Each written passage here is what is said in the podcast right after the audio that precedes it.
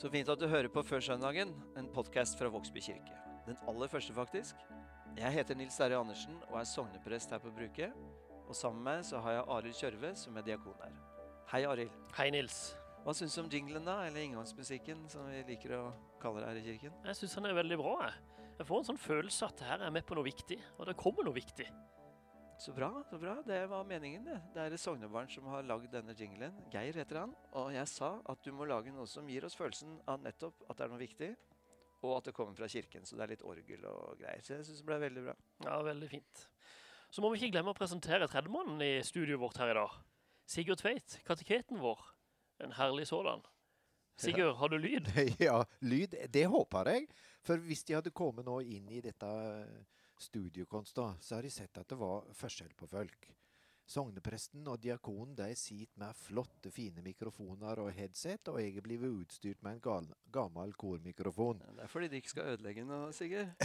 Og så trenger du egentlig ikke noen mikrofon i hverdagen heller, for det er så høy eh, stemme. Men uh, her må du ha litt lyd, altså. Og så er det veldig moro for meg, da.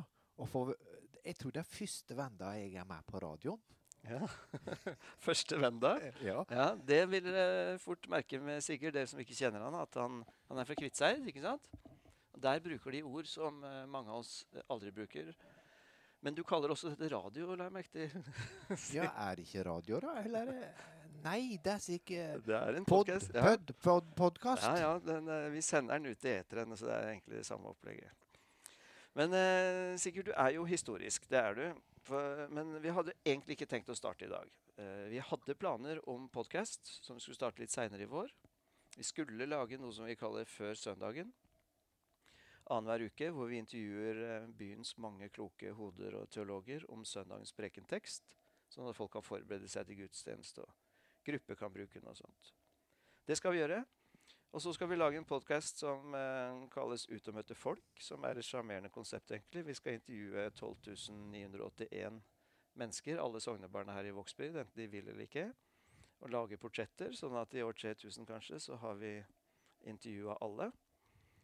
Og så kommer det i ny og ne eh, noen enkeltstående episoder om eh, ulike temaer. Sånn hva er nattvær? Hva skjer på kirkemøtet? Hva mente Paulus med det og det? Og sånne ting. Det er kanskje ikke podcaster som fenger hele verden, eh, men det interesserer kanskje noen her i Sognet. Dette med tro og teologi, det er det det kommer til å handle om, og mennesker. Men som sagt, vi hadde ikke tenkt å starte nå. Hvorfor gjør vi det, Arild? Hva skjedde? Nei, altså vi har jo fått en skikkelig vekker nå i koronaviruset. Med koronaviruset. Og det er alvorlig. Og et samfunn som er prega av alvor. Eh, vi følger direktivet. Kirka har tatt ansvar. Og Vi ønsker nå å være med på den felles dugnaden om å eh, bidra til at denne smitten ikke skal økes. Og nå er gudstjeneste søndag avlyst. Mm. Hva syns du om det, Sigurd? Nei, det er jo litt rart, da, for det er ikke vanlig at uh, det er mestefall i, i Vågsbygd kirke. Men jeg tror det er veldig riktig, for Vågsbygd kirke er en uh, veldig sikke sosial menighet. De, hilser på hverandre, de klemmer, de hoster, og, og, og vi synger. Så det er en sted som viruset kan smitte Ja. Og det er nemlig det. Det må vi ta et ansvar for. Det er viktig at vi gjør. Det er viktig at vi tenker på de som er syke, de som er i risikogrupper, de som har dårlig helse. Men så er det jo litt rart, Sigurd og Nils, at vi har holdt på med gudstjeneste i 2000 år. Og så kommer det et mikroskopisk virus som setter oss og samfunnet på, ut av spill. Og så stopper det oss. Og så har det jo vært epidemier og pandemier før, pest og sånn. Men så er det ganske sjeldent at denne gamle kirka bryter vanen med gudstjeneste på søndag. Vanligvis så vi før søndag dreier seg om prekenteksten. Før søndag Jeg kan ikke si før søndag. Det, det passer ikke med min dialekt. Jeg må si fyr i søndagen. Mm. Fyr i søndagen, vi dreier seg om Det er bra navn, det. Ja. Vi bruker det. Fyre søndagen. Fyr i søndag. Det vil dreie seg om, om prekenteksten. Men i dag har vi Vi må snakke litt om, om gudstjenesten. Og i starten av gudstjenesten så, så kommer den samlingsbønna, og den, den syns jeg er, er fin. Derfor har jeg lyst til å, å lese den nå. Gud, du som er livets kilde, har skapt meg etter din vilje. Alt i meg kjenner du og favner med ømhet. Det svake som det sterke, det syke som det friske, det lyse som det mørke. Derfor overgir jeg meg til deg uten frykt og forbehold. Motta min fortid med nåde, omfavn min nåtid med kjærlighet. Led min fremtid, du min Gud og frelser. Sigurd, det er en veldig fin start. Og jeg kan savne det gudstjenestefellesskapet som ber den bønnen sammen. Det er så mange forskjellige typer mennesker i Vågsbygd menighet. Det er så mange forskjellige historier i Vågsbygd menighet. Og det at vi kan si de ordene sammen. Alt i meg kjenner du og favner med ømhet. Enig. Og så synger vi Kyrie eleison. Gud hjelpe meg. Og ære være Gud i det høyeste. Jeg forestiller meg at vi synger det med englene. Mm. Og så er vi i gang. Nå driver vi og mimrer egentlig om en gudstjeneste som vi ikke får være med på. Og ganske fort så synger vi søndagsskolesangen, og det er et eh, godt øyeblikk. Nå er det søndag, vi går av til. Til søndagsskolen vil du Ja, bli den var på din tid, eh, Sigurd, var det ikke det? den er fin, den. Ja, det er veldig fin den. Og det med at eh, Men alle det er ikke den vi barna bruker. Nei, det er ikke den vi bruker. Det er Harald og Brit Fjelde som har skrevet vår. Ja. Som, eh, som eh, vi skal prøve å nunne litt på, eller skal vi det? Vi, det er i hvert fall en sånn eh, sang som handler om eh, nå, nei, nå kommer jeg ikke på han. Det- De kan slippe det. De kan ha det gode minnet fra den saken. Ja, kan de ikke? Men, Ja. men, men eh, eh, i Vågsbygd, det er en uh, utrolig fin uh, greie. Og de søndagsskolelederne, de gjør en kjempejobb.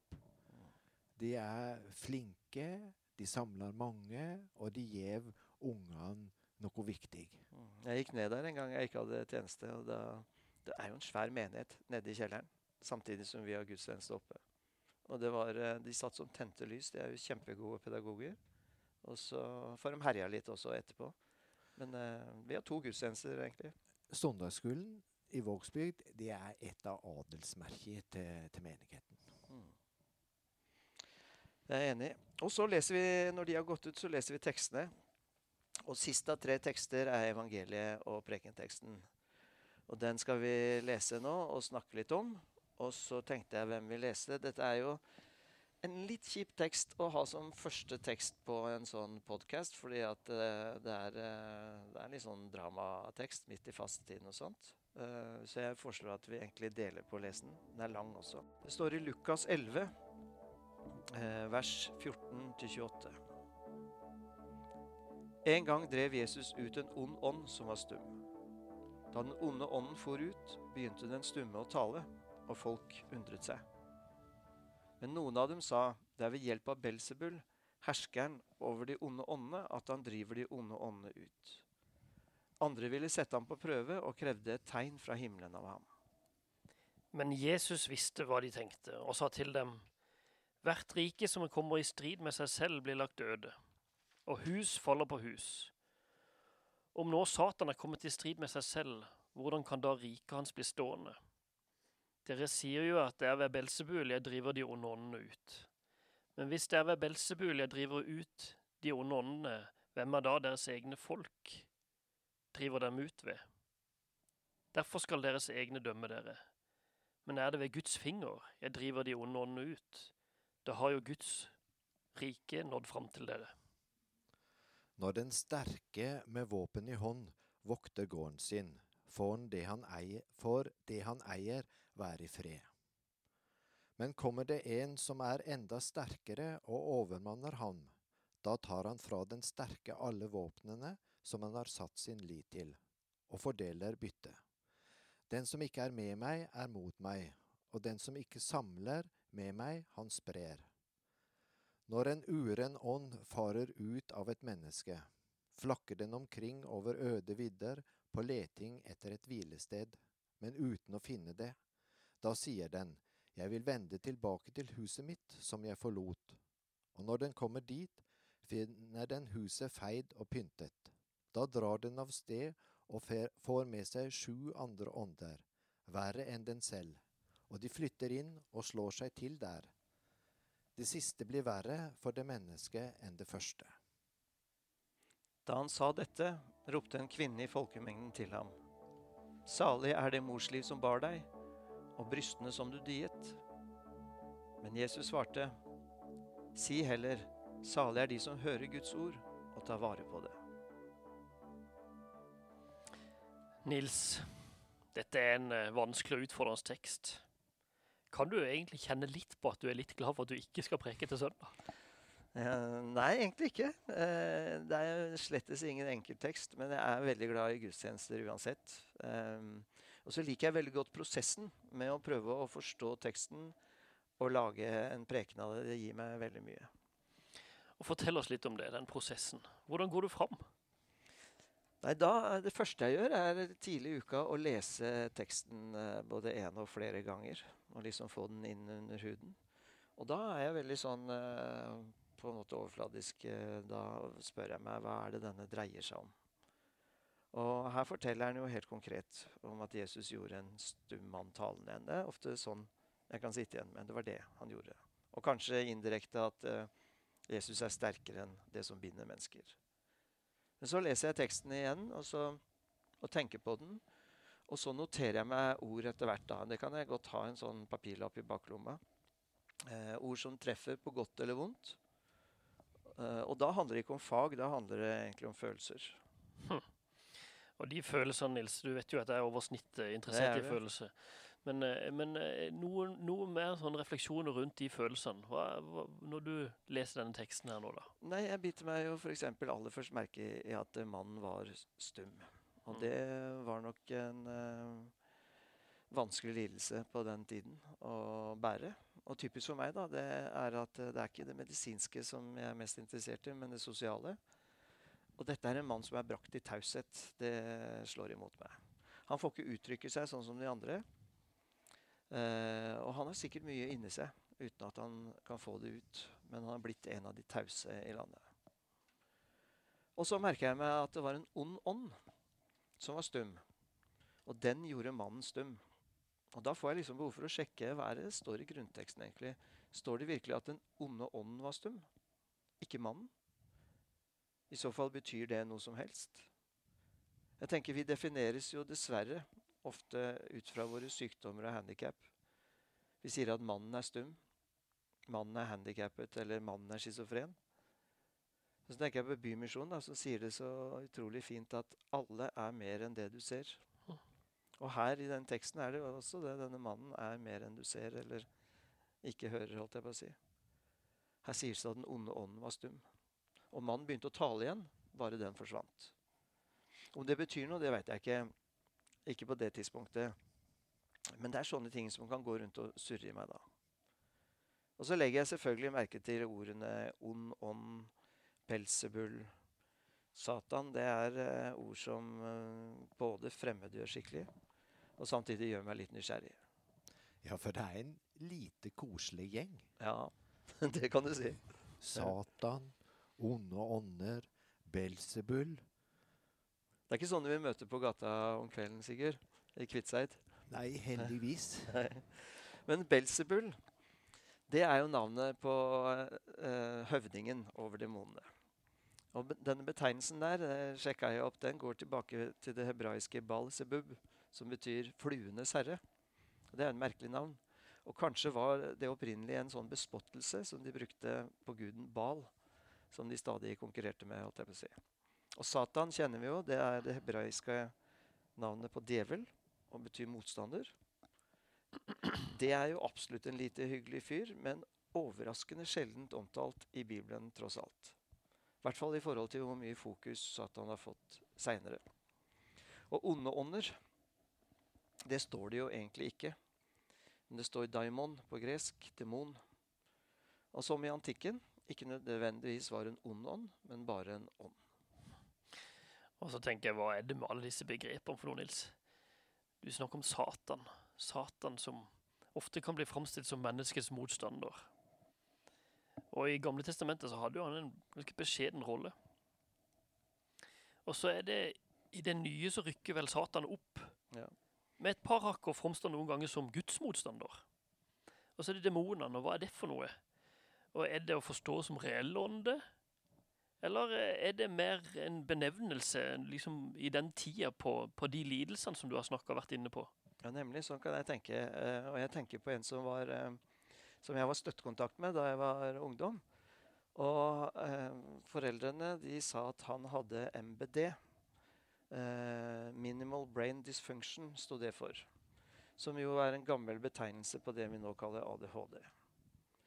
Og så er det ikke den eldste betegnelsen likevel. For at det, for begynnelsen av 1900-tallet så fikk lidelsen navnet 'defect of moral control'. Altså en feil i kontrollen av moralen. Det er ganske um, negativt beskrivende. Mm.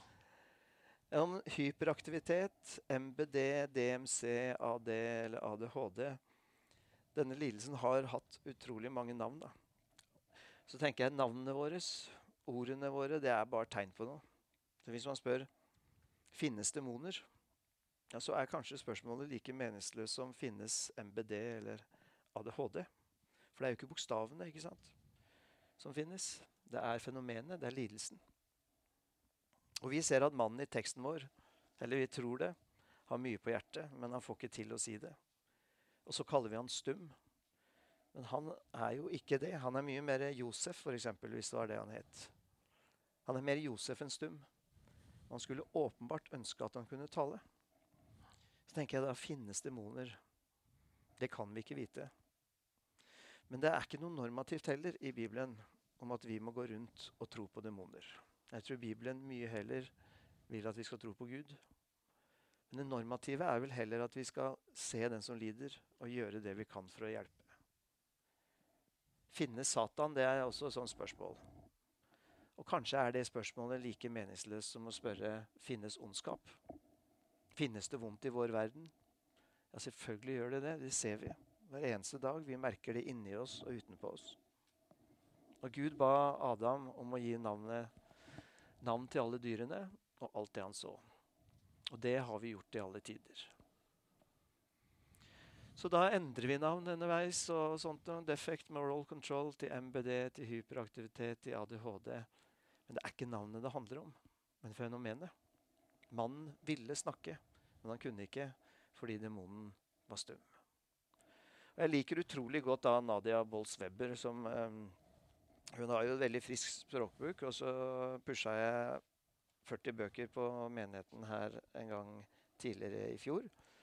Eh, å finne Gud i feil folk. Og der kommer hun inn på dette med demoner også. Hun sier, På side 118 der så sier hun Hva er så demoner? Er de krefter som ligger utenfor oss, og som utfordrer Gud?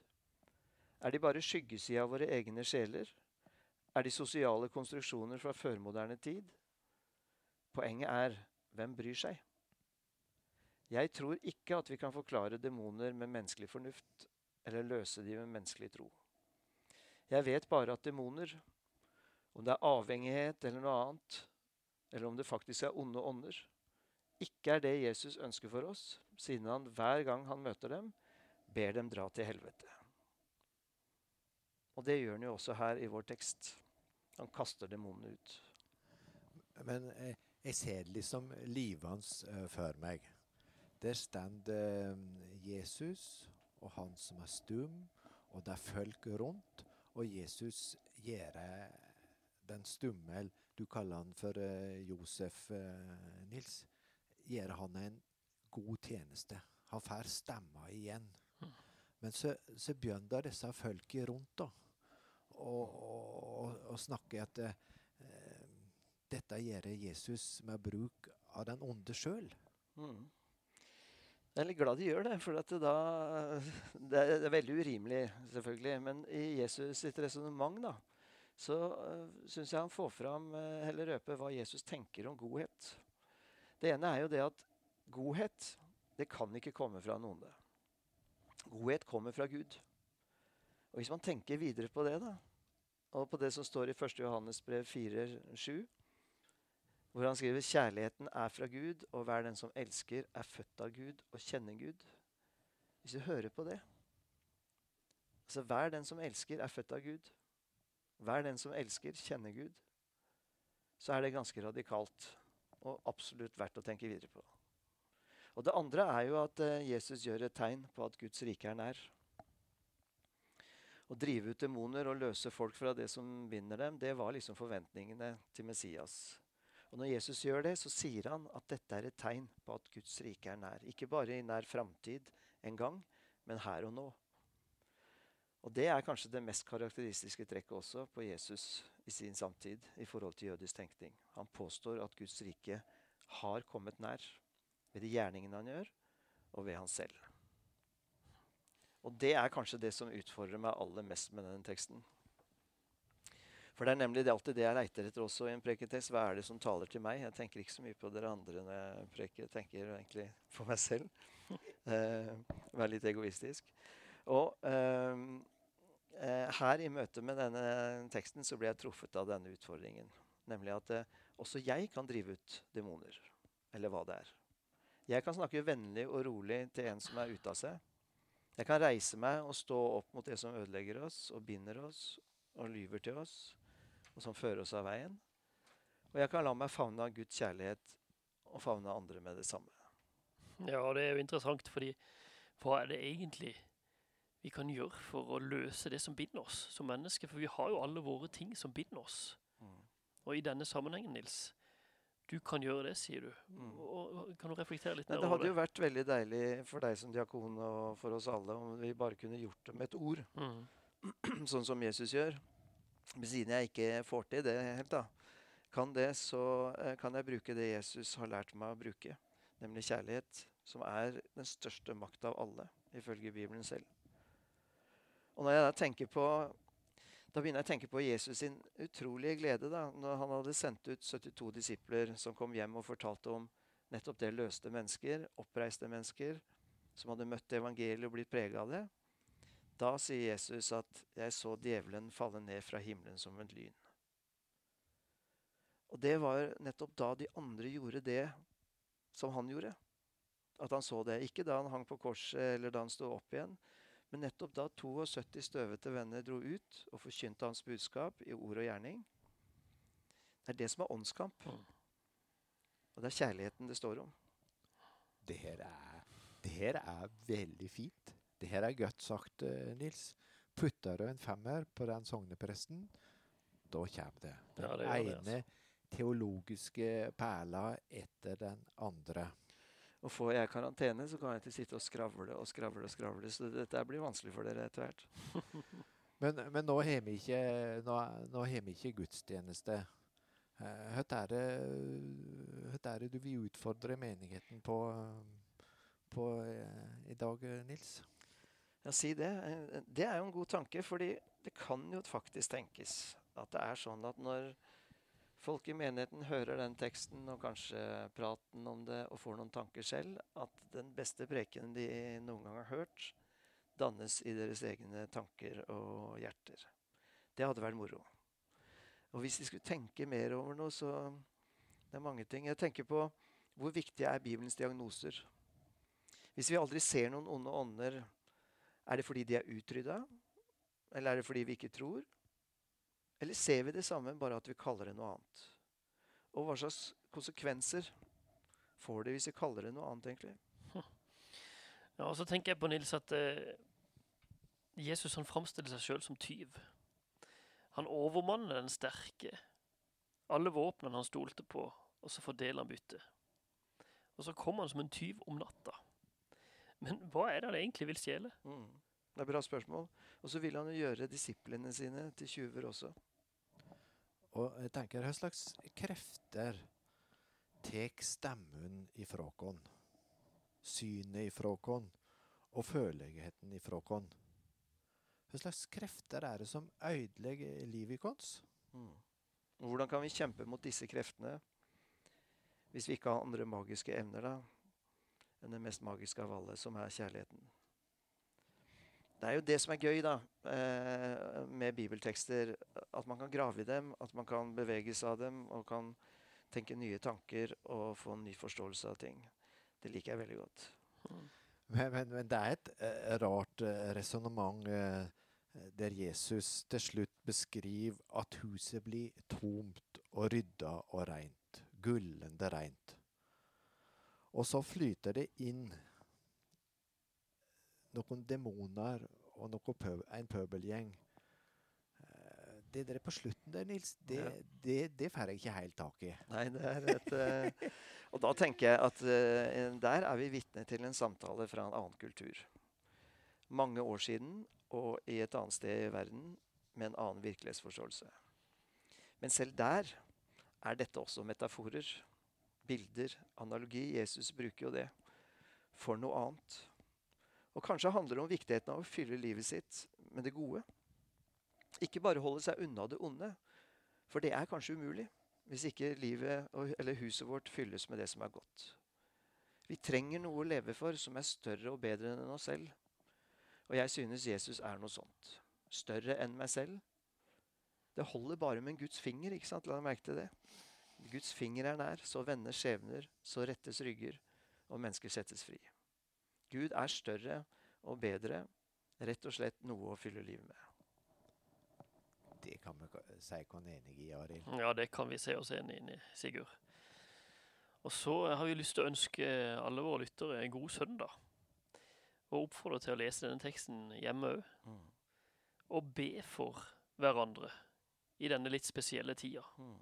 Som er alvorsprega, og som er, har frykt og uro i seg. Og jeg tenkte kanskje at vi skulle avslutte denne spesialpodkasten med to ting.